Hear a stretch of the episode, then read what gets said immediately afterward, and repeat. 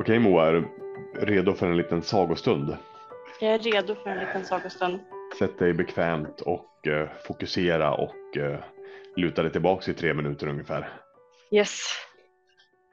Sedan sade en rik man, tala till oss om att ge. Och han svarade, ni ger endast lite när ni ger av era ägodelar. Det är när ni ger av er själva som ni verkligen ger. För vad är er ägodelar annat än ting som ni förvarar och vaktar av fruktan för att kanske behöva dem imorgon? Och morgondagen, vad för morgondagen med sig åt den ängsliga hunden som gräver ner ben i den spårlösa sanden när han följer pilgrimerna till den heliga staden? Och vad är fruktan för nöd annat än nöden själv? Är inte fruktan för törst när ens brunn är full, den törst som är osläcklig? Det finns de som ger lite av det myckna som de har och de ger för att bli lovordade och deras dolda önskan skämmer deras gåvor. Och det finns de som ger, äger lite men ger allt. De tror på livet och livets överflöd och deras kistor är aldrig tomma. Somliga ger med glädje och den glädjen är deras belöning. Andra ger med smärta och den smärtan är deras dop. Och det finns de som ger utan smärta, ej heller söker om glädje eller ger i vetskap om att givandet är en dygd. De ger som myrtenkvistarna i dalen skänker åt luften sin väldoft. Genom deras händer talar Gud och genom deras ögon ler han mot jorden. Det är gott att ge när någon ber, men bättre att ge oombedd genom insikt. Och för den med öppna händer är sökandet efter den som ska ta emot en glädje större än att få ge. Finns det något som ni inte vill ge? Allt ni har ska en dag skänkas bort. Skänk därför nu så att gåvornas tid blir er och inte era arvingars. Ni säger ofta, jag skulle gärna ge, men endast åt de som förtjänar det. Fruktträden i era trädgård säger inte så, ej heller jordarna på era betesmarker. De ger för att få leva, för att undanhålla är att dö. Och nog är den som är värdig att ta emot sina dagar och nätter även värdig att ta emot allt annat av er. Och den som har förtjänat att dricka ur livets ocean förtjänar också att fylla sin bägare ur er lilla bäck. Och vilken förtjänst är större än den som ligger i modet och tilliten, ja till och med kärleken att våga ta emot? Och vem är ni att människor ska slita sitt bröst och utlämna sin stolthet för att ni ska få se deras värde naket och deras stolthet avklädd? Se först till att ni förtjänar att vara en som ger och ett redskap för givandet. För sanningen är den att livet, det är livet som ger åt livet självt, medan ni som kallar er givare är blott ett vittne. Och ni som tar emot och ni tar alla emot, låt inte tacksamheten bli en dygd, för då lägger ni ett ok både på er själva och den som ger. Höj er istället tillsammans med givaren på hans gåvor liksom på vingar. För att tänka för mycket på sin skuld är att tvivla på givmildheten hos den som har den frikostiga jorden till moder och Gud till fader. Välkommen till Molodi Podcast, en podd där vi talar om att skapa ett liv som känns lika bra som det ser ut. Med mig Aron. Och mig Moa.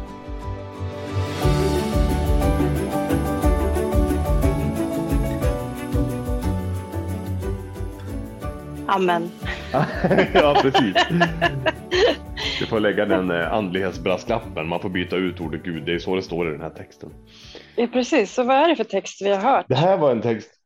Det hade jag tänkt att du ska få utveckla inledningen på snart. Du eh, mässade mig igår och sa sidan 19 i profeten och profeten är alltså en liten bok av av en eh, man som heter Khalil Gibran och, och den har liksom både sådana här den är fylld av, det är egentligen en, en, en, vis person som vandrar och folk kommer fram till honom och säger prata till oss om och så olika ämnen.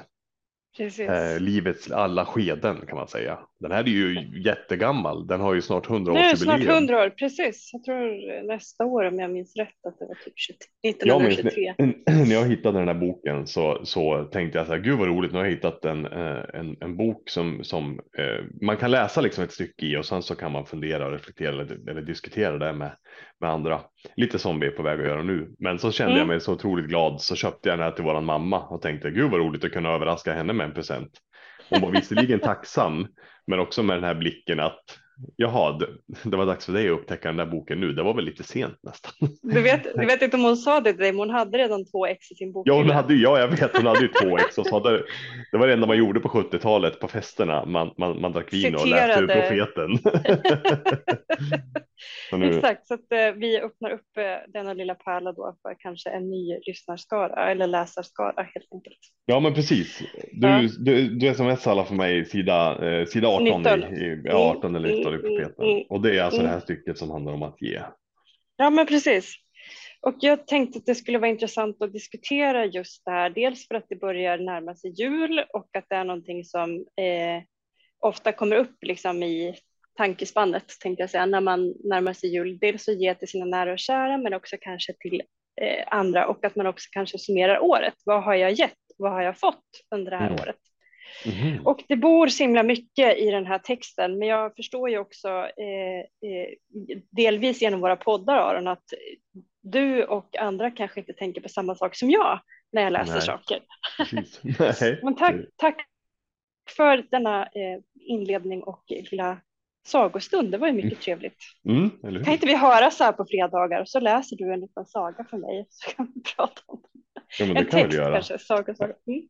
Ja, Det är ju fantastiskt. Mm. Eh, Molodi tolkar eh, profeten. ja, kör vi. precis. 52 Ny- veckor. 50, ja, precis. Jag tänker att eh, jag vill ge mig in i den här texten med en gång. Mm. Eh, och jag tänker att det berör mycket av de frågorna som mina kunder kommer till mig med. Mhm. Ehm, så jag tänker att vi kan eh, ta oss igenom texten lite eh, kronologiskt, tänker jag, för, Ja. framåt. Absolut. Så här, jag tänker i början där så står det så här, ni ger endast lite när ni ger av era ägodelar. Mm. Eh, och ofta så eh, tycker jag att man hänfaller till att tänka just att man ska ge av sina ägodelar eller av eh, sin ekonomi. Mm. Att det är det som är att ge. Liksom. Har du någonting att skänka Ja. liksom, till välgörenhetsorganisationer så är det ju ofta eh, cash Mm. och annars är det så här, men kan du skänka något? Kan du köpa en matbit extra till den som sitter utanför den lokala matbutiken? Eller liksom, kan du ge det du har? Ja. mm.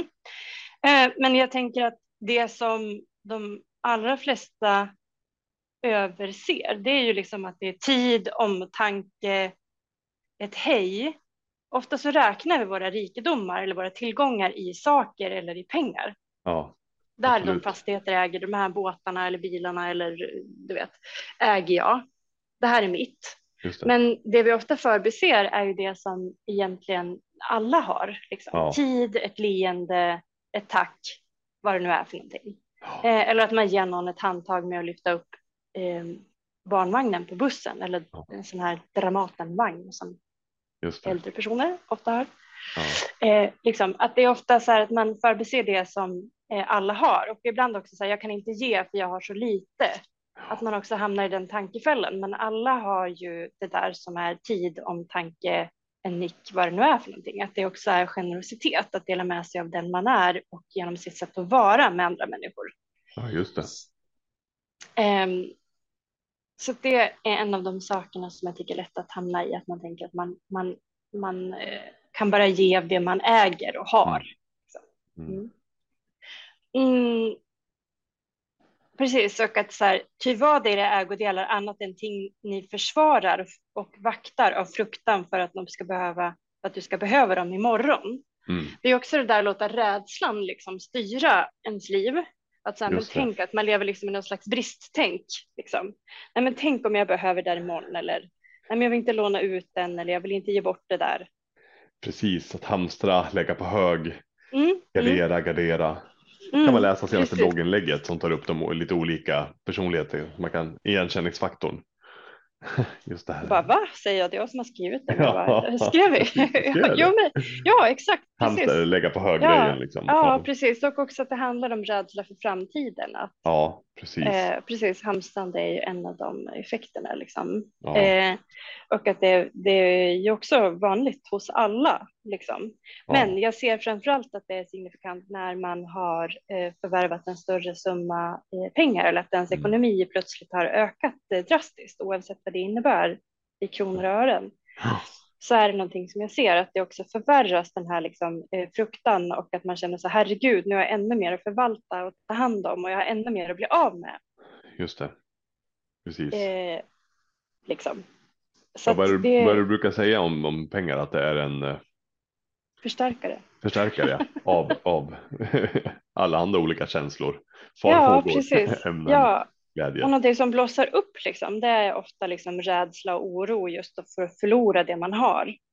Eh, det. att man, liksom har, man får en känsla av förlust av kontroll för att man känner just det där, herregud. Tänk om jag behöver det här imorgon eller liksom att den fruktan vaknar liksom, Exakt. med en förbättrad ekonomi. Och det är Mm. någonting som eh, alla som har eh, fått eh, en förbättrad ekonomi snabbt eh, vet om. Men Ja, det är någonting som eh, alla som önskar sig en, en förbättrad ekonomi, rikedom och lycka eh, förbiser. ja, ja, det är inte det man går och tänker på. Tänk om jag vinner på Lotto imorgon, då kan jag oroa mig lite mer. Det är inte det man ja. tänker. precis. Ja, men just det, Mm. inte fruktan för törst när ens brunn är full, den törst som är osläcklig. Ja, det är också precis det man Mm. hamnar i. Alltså Mm. tänk om vattnet tar slut, tänk om vattnet tar slut, tänk om vattnet tar slut. Ja, När man har en brunn, då kan man oroa sig för att vattnet tar slut. Men har man ingen brunn, då har man inte Nej, den just det. oron heller. nej. Så det är det som är grejen. Men då blir det ju, ja, då blir ju knäckfrågan där, hur, hur förhåller man sig till det då? Hur förhåller man sig till att, att vara, vara glad ur brunnen och så tar man vatten när man behöver? Eller när man vill ge till någon annan? Ja, men det är väl just det som du säger, att förhålla sig till det. Att Mm. inte ägas av det, utan bara stanna upp och eh, i och med att du lyssnar på det här, bara titta på det, att det är en del av att ha en brunn, är att oroa sig för att brunnen ska sina. Ja, just det. Eh, att det är en del av, det kommer liksom med dealen. Ja. Men jag tänker, får jag ta ett litet Att, eh, sidospår att och hoppa här i texten? Absolut. Ja, för jag tänker det här sitter ju också ihop med, med just det med, eh, för den med öppna händer ska sökandet efter en som eh, ska ta emot. Det är en glädje större än att själva få geendet. Mm. Eh, allt det ni har ska en dag skänkas bort. Skänk därför nu så att gåvornas Mm. tid blir er. Mm. Just det här att inte fastna i hamstringen och så vidare. Jag tänker på det här med att man kan ge olika saker, även om vi ofta pratar, som du säger, om, om pengar i form av, eh, av ekonomiska tillgångar. Eh, eller Mm. om vi pratar om rikedom som ekonomiska tillgångar, det är ofta det vi Mm. men just att, att ge inte alltid handlar om att ge cash eller, eller ge prylar, utan att pengarna kan också ju skapa friheten att ge just tid, eh, uppmärksamhet, omsorg, kunskap, vägledning, alltså på de bitarna. Att jag behöver inte förvärvsarbeta varje dag, därför så har jag tid att vara mentor åt de här personerna eller att eh, åka och Mm, hälsa på de här personerna.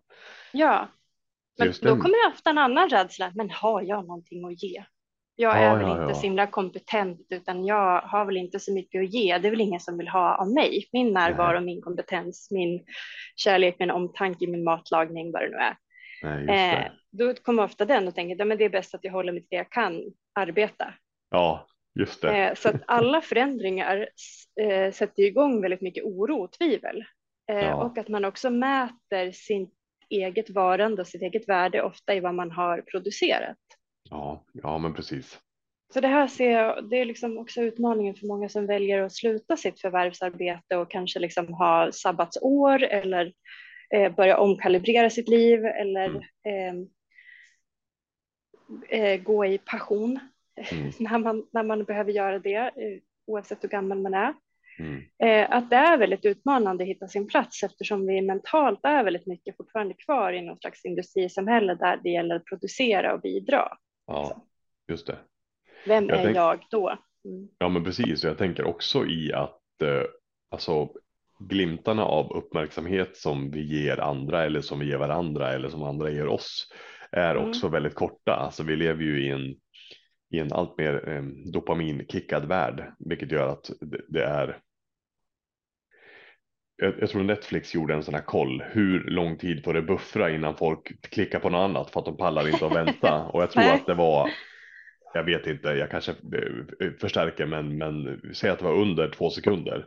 Buffrar det Ja. mer än två sekunder, då klickar man hellre på något annat. För det är för lång tid att vänta, det är för långt. Ja, Ehm, och jag tänker också, ehm, där tänker jag på att, att det hjälper oss, det hjälper oss in i cykeln av att faktiskt titta på ägodelar, sånt som vi kan ta på som värdefulla saker.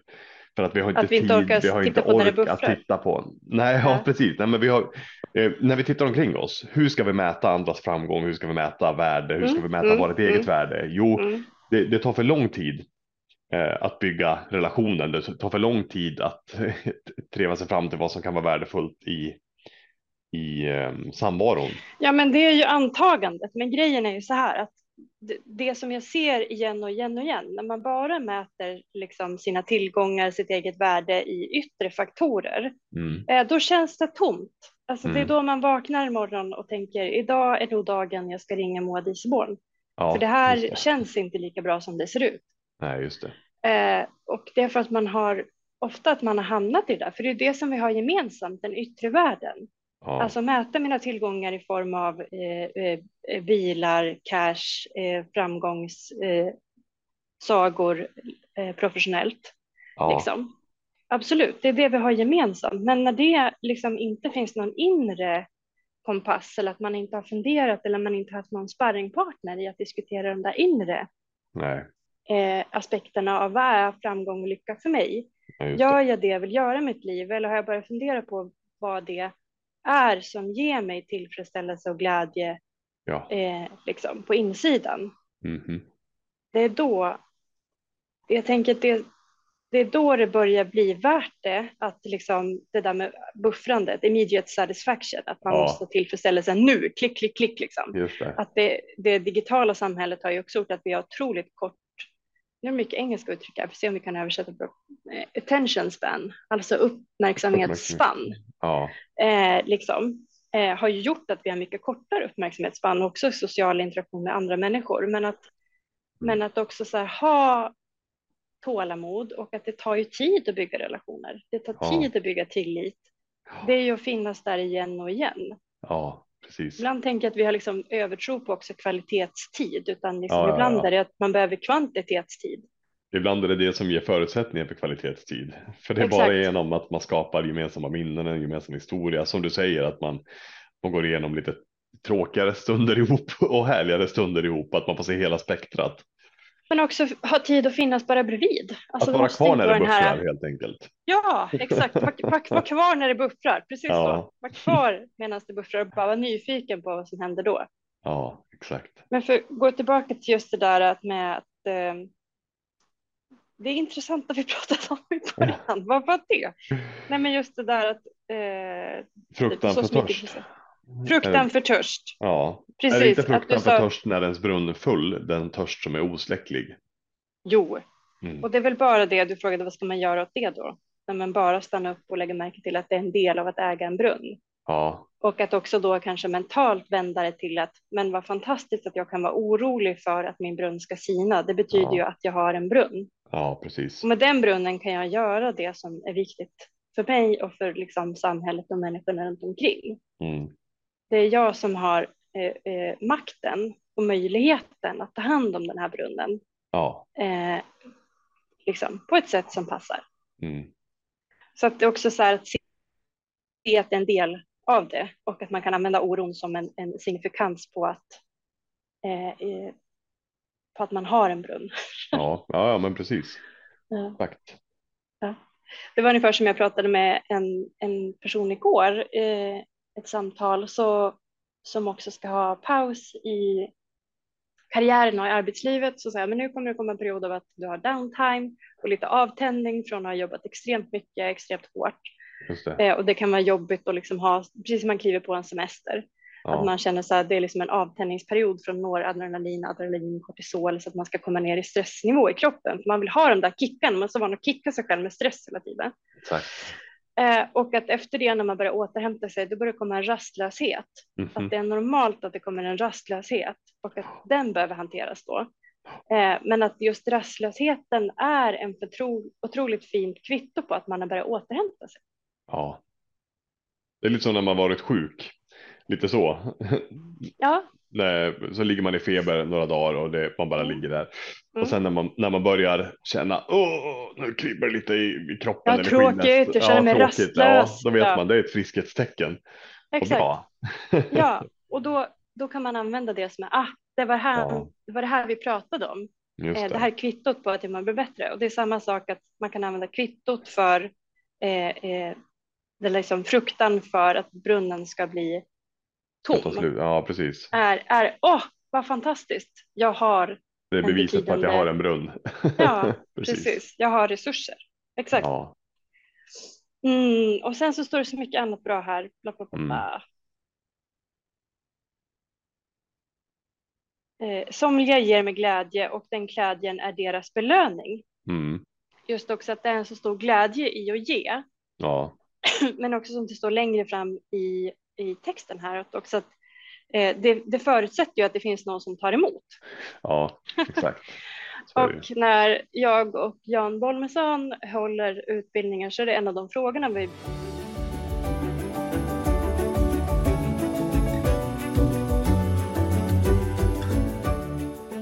pappa och stör mitt här i podden. Jag har glömt att stänga av telefonen. Pappa, du får lyssna sen. Du kan inte lyssna live. Exakt. Ja.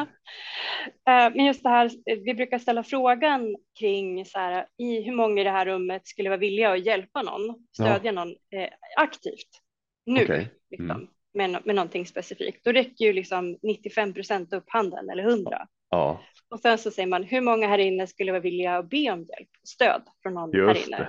det. Och då liksom så här, är det några som tveksamt så okej, men kanske typ 3, Ja, ja, ja. 5 procent som ja, räcker fan, upp handen. Vilken intressant övning. Ja, och det då, där måste ju gälla här- bo, bo, oavsett om det är att, Ja, oavsett grupp. oavsett, ja. oavsett om det är, är, är ekonomiskt eller om det är av sin tid eller alla är ju, Exakt. nästan alla är villiga att utgår ju inte från ekonomi utan då utgår från så här stödja, hjälpa Ja, ja, de ja, här okej. Mm. utmaningarna som vi pratar om just nu. Men bara det att tanken att vilja ta emot Ja, ja, från någon ja. annan. Och där ser man liksom, det blir en väldigt tydlig liksom bild i rummet att det är en stor diskrepans eller så stor skillnad mellan eh, utbud och efterfrågan. Ja. Men vad, vad, vad, vad spännande. Vad, vad, vad sitter det där i då? När ni, om, ni, om ni grottar vidare på det. Är det liksom en, är det en Nej, stigma om rädd att be om hjälp och, och visa sig svag eller att bli avvisad eller finns det liksom något är att mönster? man vill, men vill inte bli skyldig. Liksom. Man vill inte vara Ah. skyldig någon något för känner man men då står jag i tacksamhetsskuld. Ja men där, där har vi ju, det det är intressant, då hoppar vi till sista biten i den här, eh, Mm. ehm, i den här texten som jag Texten. läste. Och ni som tar emot, Mm, mm. för ni tar alla emot, låt inte tacksamheten bli en Mm. dygd, för då lägger ni ett ok både på er själva och den som ger.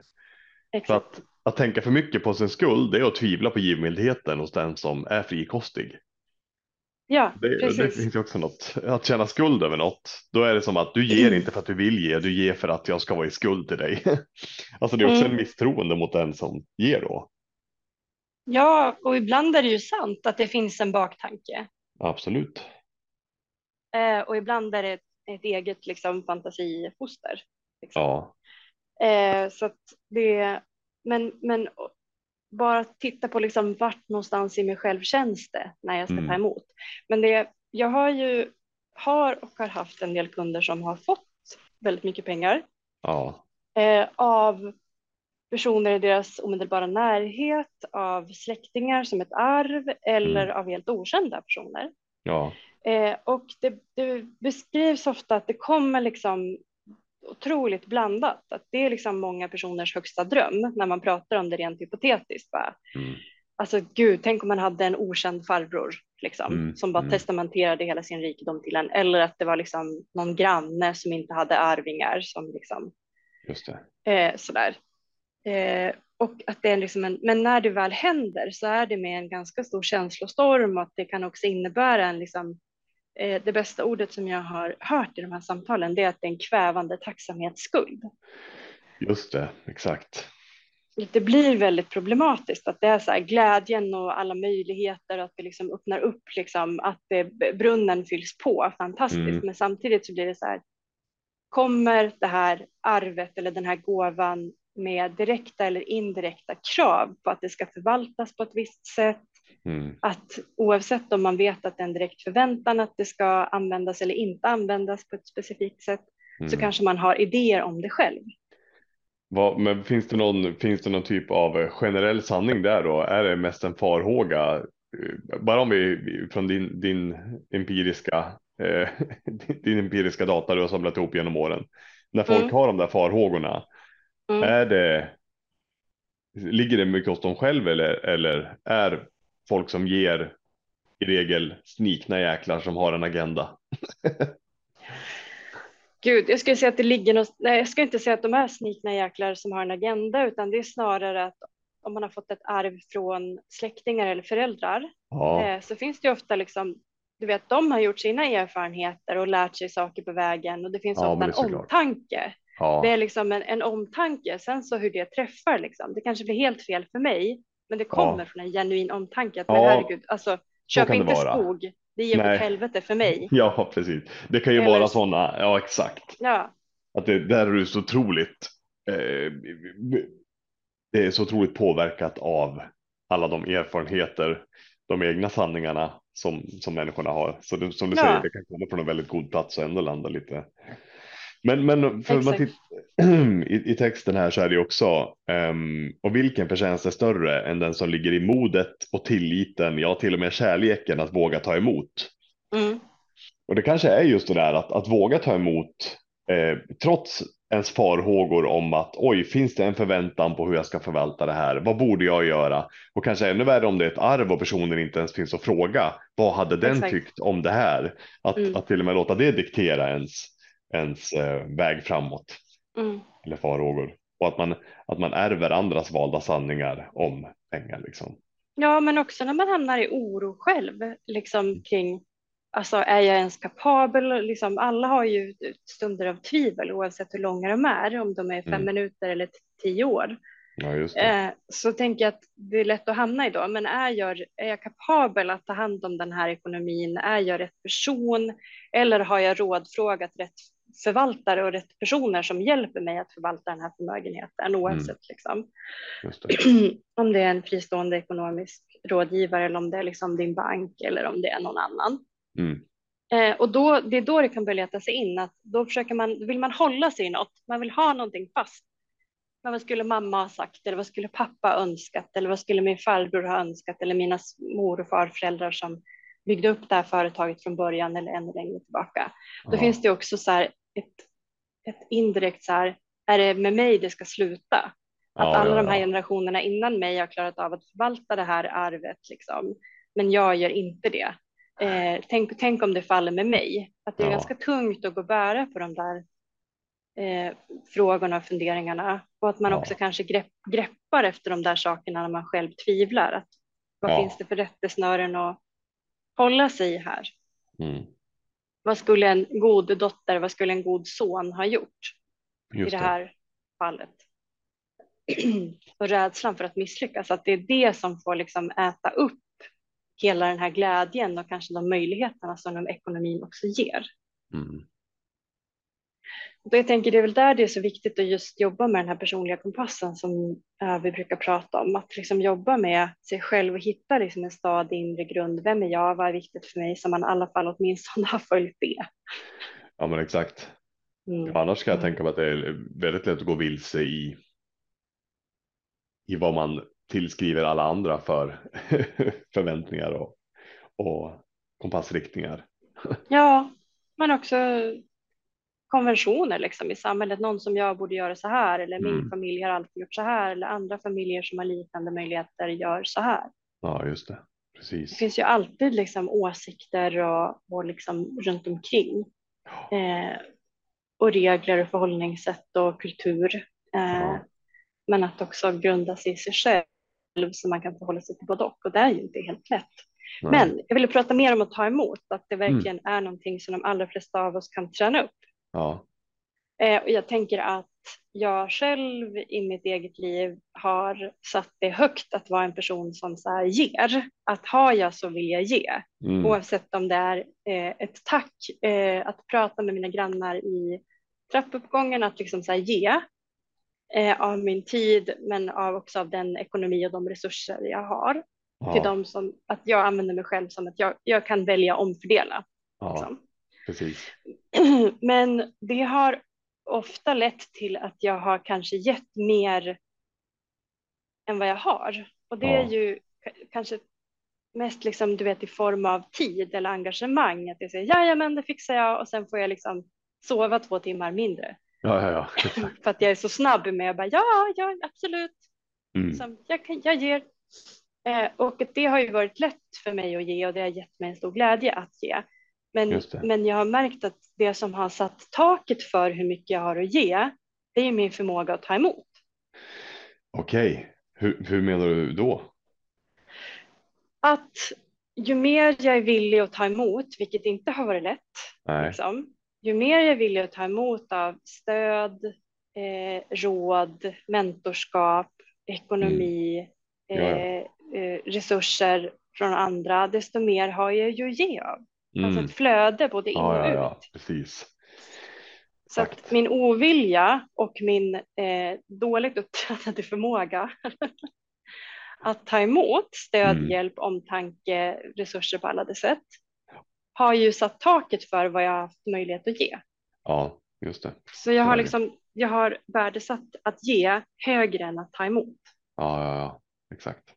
Och det är ju varandras syskon. Ja, absolut. Så jag kan ju ge samma sak med mycket större lätthet och med Ja. mindre eh, sämre effekter för mig själv. Ja, ja, jag har ja, också precis. blivit bättre på att liksom hårdtränat mig i att ta emot. Ja, just det. Liksom. Ja, men också att det, jag, alltså jag tycker det, för just det här med att träna på att ta emot. För det Mm. första också, om man ska, om, om, vi- om vi, vi behöver inte tala i så eh, högtravande andliga termer, men det är ju jävligt tråkigt när man vill ge någon någonting. Och så ska de truga på att inte ta emot det. Om man, Mm. Oavsett om det är en sån skitsak som att ja, men jag bjuder gärna på den här middagen. Nej, Mm. men inte ska väl du? Så, ja, men jag vill gärna göra det. Nej, men gud, det känns ju bra. Alltså, så hamnar Mm. man i en så här, tio minuters argumentation om att ens få ge någonting. Då tappar man. Det är så här. Ja, the moment is gone. Du kan betala din middag själv. här, eh, för att förenkla det. Eller, eller Ja. vad det än är. Att nej, men gud, inte ska. Har du gjort det här till mig? Nej, men gud, och jag har inte gett dig någonting. Alltså att man fastnar i det där skuldgrejen.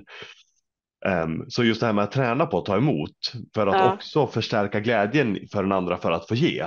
Att bli duktig på att ta emot är också att visa just det här modet, tilliten, kärleken för den andra. ehm, Ja. att ge. Så, så det, det, det, det förstärker även ehm, ge- ja, att få ge gesten. Just det där i slutet, att låt inte tacksamheten bli en dygd. Just det där med att inte Mm. argumentera emot och så vidare. Mm. Mm. Att just att det blir ett ok på både dig själv och den som ger. Höjer Ja. istället tillsammans med givaren på hans gåvor som vingar. Och det där är ju fint. Om någon säger så här, ja men jag bjuder gärna på det här eller här har jag. Mm. Mm. Ja. Att, att faktiskt att Bara lita då tack. på att den här personen vill ge det här till mig eller vill hjälpa mig med det här. och Ja, att faktiskt gå ja. rakt in i då så här, gud vad härligt, tack så jättemycket. Det, det, där, det där är en övning som, som man som lyssnar gärna får ta med sig kommande dagar. Prova det nästa gång någon vill ge någonting oavsett vad det är. Gå rakt in i, i att bara ta emot, träna på att ta emot det Mm. förbehållsfritt. Jag tänker att se vad som är- händer.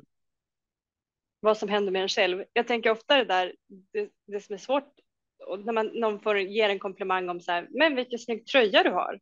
Ja, Det är så här, det klassiska, det är ju så liten grej. Åh, vad, vad välklädd du är idag, vilken snygg rock, vilken fin tröja. Att det är med en gång så här, nej men den här gamla trasan. Eller ja. ofta så svarar jaha. folk med vart de har köpt den. Det där är, det där är inte den här har jag köpt på där och där. det Jag är tänker på den här låten från 90-talet, ingen vill veta vart du köpt din tröja. Nej, just Exakt. Ja, men det där är en bra, jättebra liknelse för att ge även att, att en, en komplimang eller vad det nu är, Mm, mm, eller en go- positiv kritik tillbaka. Så här, Gud vad bra Mm. du var på mötet Mm. eller på Mm. föreläsningen. Eh, En person, en kollega som jag jobbar med, hon brukar använda det där när hon föreläser om leda, ledarskap. Ehm, just att, att, att, att börja förklara bort när man får en komplimang för någonting. Mm. Det är som att få ett paket. Mm. Och att då börja säga, nej men gud den här tröjan, ja jag, vet inte, ja, det finns ju andra som har finare tröjor liksom. Det är som att, att man ger någon ett paket Mm. och så tar man emot paketet och säger, ja, och så ger man tillbaka paketet innan man ens har öppnat det. Och sen går man därifrån. och när man gör det så billigt, det blir ett sjukt beteende. Här har jag köpt en, gjort en gåva till dig. Så här, ja tack så mycket, men ja här, du kan ta tillbaka den, hej då. och det är ju precis så. Men, så det, det, är, det är en bra liknelse just det där med att det gäller ju inte bara fysiska saker man får, inte bara att någon kommer och hjälper en med någonting, utan även sådana här små, små gester som. Ja, men ibland är de stora sakerna, alltså de små sakerna de stora. Men, ja, men det, Eh. det, det jag ville åt med det var att beteendet är detsamma, Exakt. även på en liten, liten komplimang. Mm. Så, Det är man- nästan som att det, när man ger en komplimang till någon så här, men vad, vad, så här, vad snyggt du har håret liksom. Att det är nästan som, jag tänker också, män är inte lika vana att få komplimanger. Eh, är min erfarenhet. Och att det liksom, det är nästan som att man har gett någon en brandbomb. Så de bara, ah, men Ja. du också, du är jättesnygg i håret. Bara, Ja. Måste ge tillbaka den med en Ja, gång. precis. Exakt. Innan den smäller liksom. Och bara så här, lägg märke till vad som händer hos dig själv. Att bara liksom hålla i den där stunden av obehag och bara så här studera det en stund. Mm. Bara, "Ja, vad är obehaget i det här liksom? Är det rädslan för att den andra, vad är det för tankar och känslor som kommer upp? Bara liksom stanna upp och kolla på det. Det är ju ofta det som, som står i vägen för att vi ska kunna ta emot mer. Precis, både det men också att, att observera vad är det som händer i mötet med den andra personen Mm. när man Mm. inte går emot, när, man, när man inte sätter sig emot att ta emot. När man faktiskt bara tar emot. Fanns det någon mer aspekt av det där som du Ja. tänkte på? Ja, Det var också det där på att ta emot eh, att det är livet som ger till sig själv. Nu hittar jag inte just den där textraden, men att vi också, just det. Ja, Mm. så här, till sanningen är, så här, se till att ni förtjänar att vara en som ger och ett redskap för givandet. Mm. Det är också det att vara ett redskap för givandet. Ja, Och sen kommer nästa mening. Till sanningen är att, att det är livet som ger åt livet själv, medan ni som kallar er givare är blott ett vittne. mm. Det är också det där att jag tycker också att det är lätt hänt att man lägger alldeles för stor vikt vid sig själv. ja, Det, ja, är ja. jag, det är jag som ger. Ja, Det är jag precis. som... Så här, bara, ja, men det, om vi tänker nu på julklappar eftersom det börjar närma sig jul. Mm. Så här, ja, men de här sakerna eller liksom de här molekylerna, om vi bryter ner det på det, de har funnits långt innan som de här Ja. gåvorna är gjorda och de kommer finnas långt efter att du har gått Precis. liksom, vidare. Liksom. Så, att, så att det, det är också så här lite förmätet att liksom också sätta sig själv i så här så himla liksom på så höga hästar att det är jag som är givaren. Precis. Och att resurser är resurser. Eh, vatten kommer och går. Om vi tar brunnmetaforen där igen. Här, men just nu har jag möjlighet att vara den som skopar upp vatten liksom, till mig Precis. själv och andra. Ja. Eh, att också så här att man, jag tycker att det, det är lite, ja, att det är också det, att det kan vara svårt att ge och det kan vara svårt att ta emot för att vi lägger alldeles för stor vikt på vem det är som ger och vem det är som tar emot och att Ja. vi liksom är för egocentrerade på det sättet. Just det.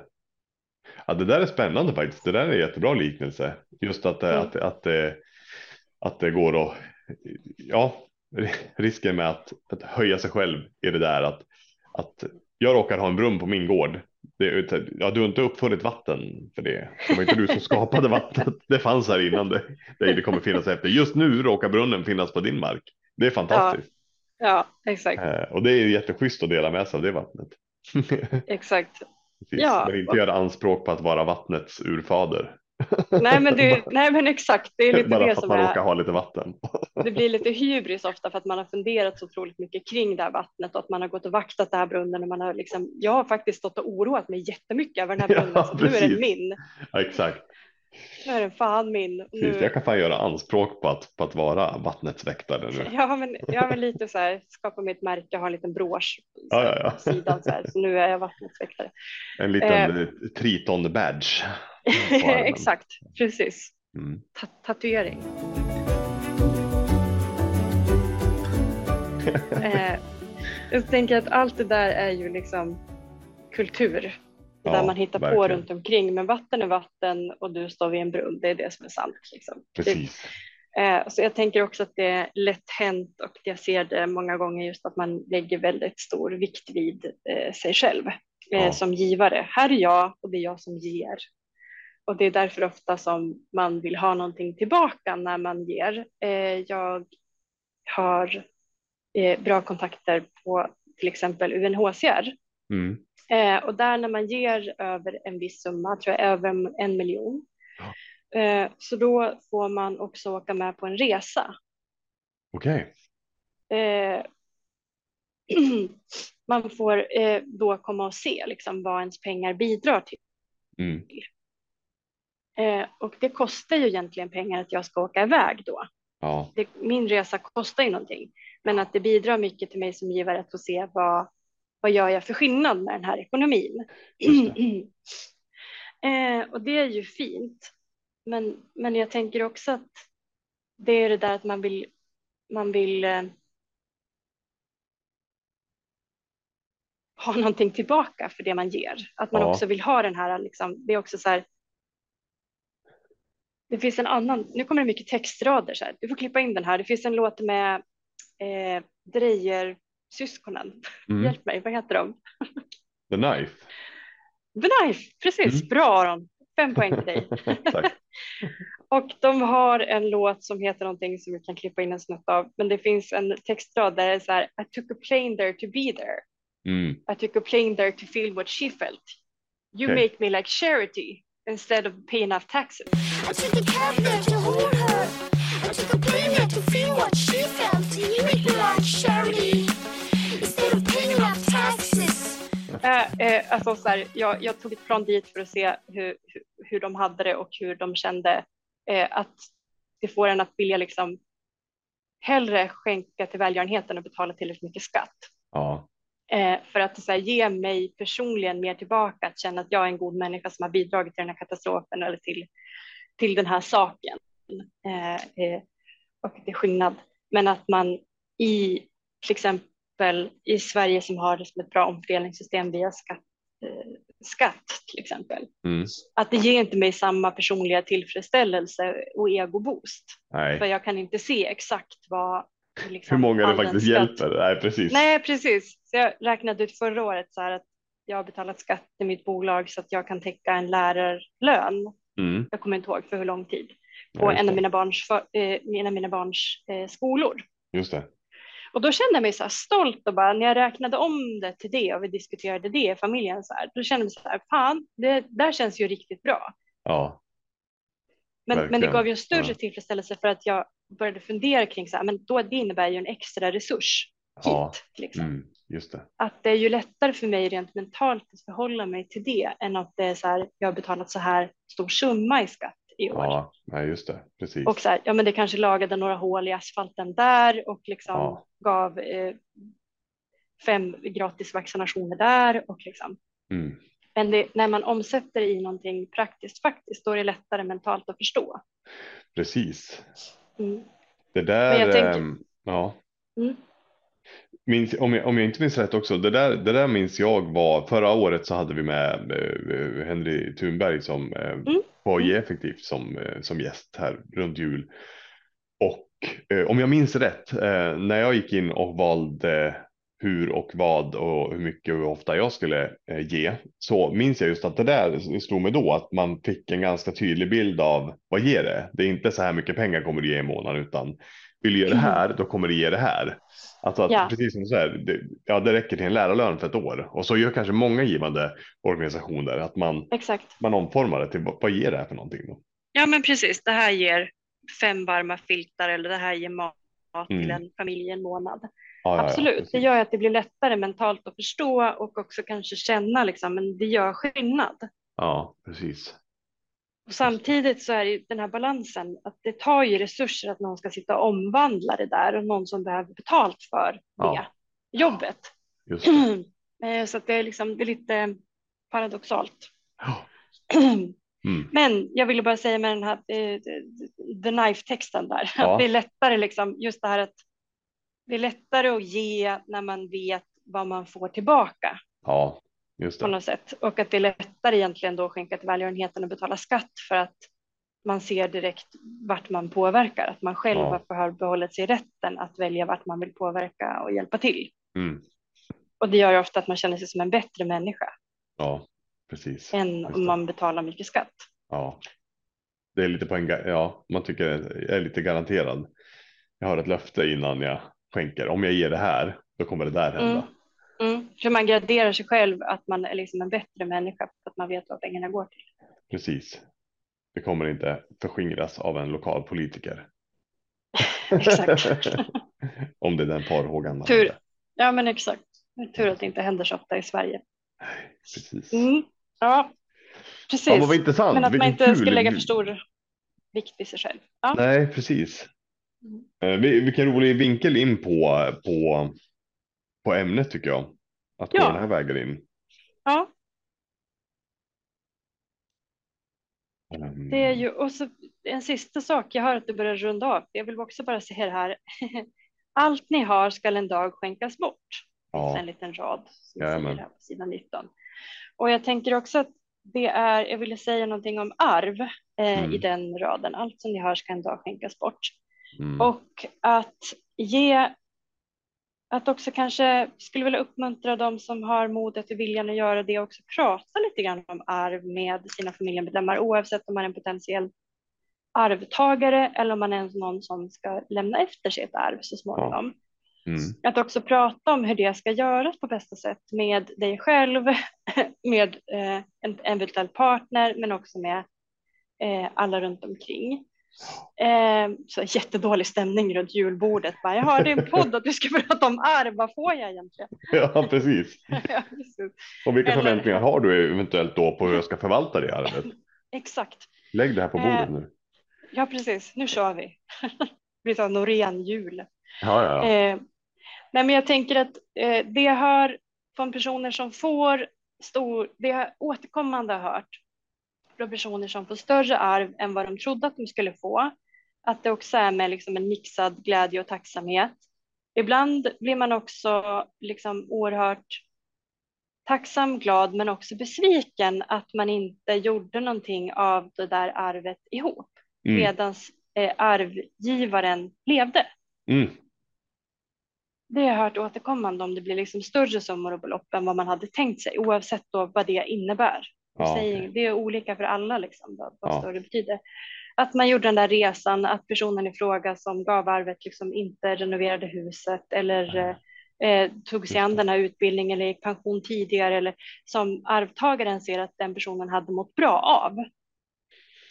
Men att det, det. arvgivaren har fastnat i någon tanke om att men jag måste ju ge så här mycket ja, eh, det här är min tanke om vad jag tror att mina arvtagare förväntar sig av mig att jag ska ge.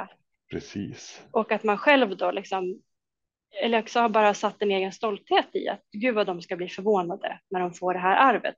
Ja, exakt. Men att det kan landa så himla olika. Vissa Ja. blir besvikna för de får mycket mindre arv, att de har räknat in ett visst arv och sen så får man inte det. Då kan man bli arg, besviken, arg, ledsen, rädd på grund av det. Men många gånger så ser jag att det finns en eh, finns det också en omtanke om de som ska ärva att faktiskt prata lite grann om det innan.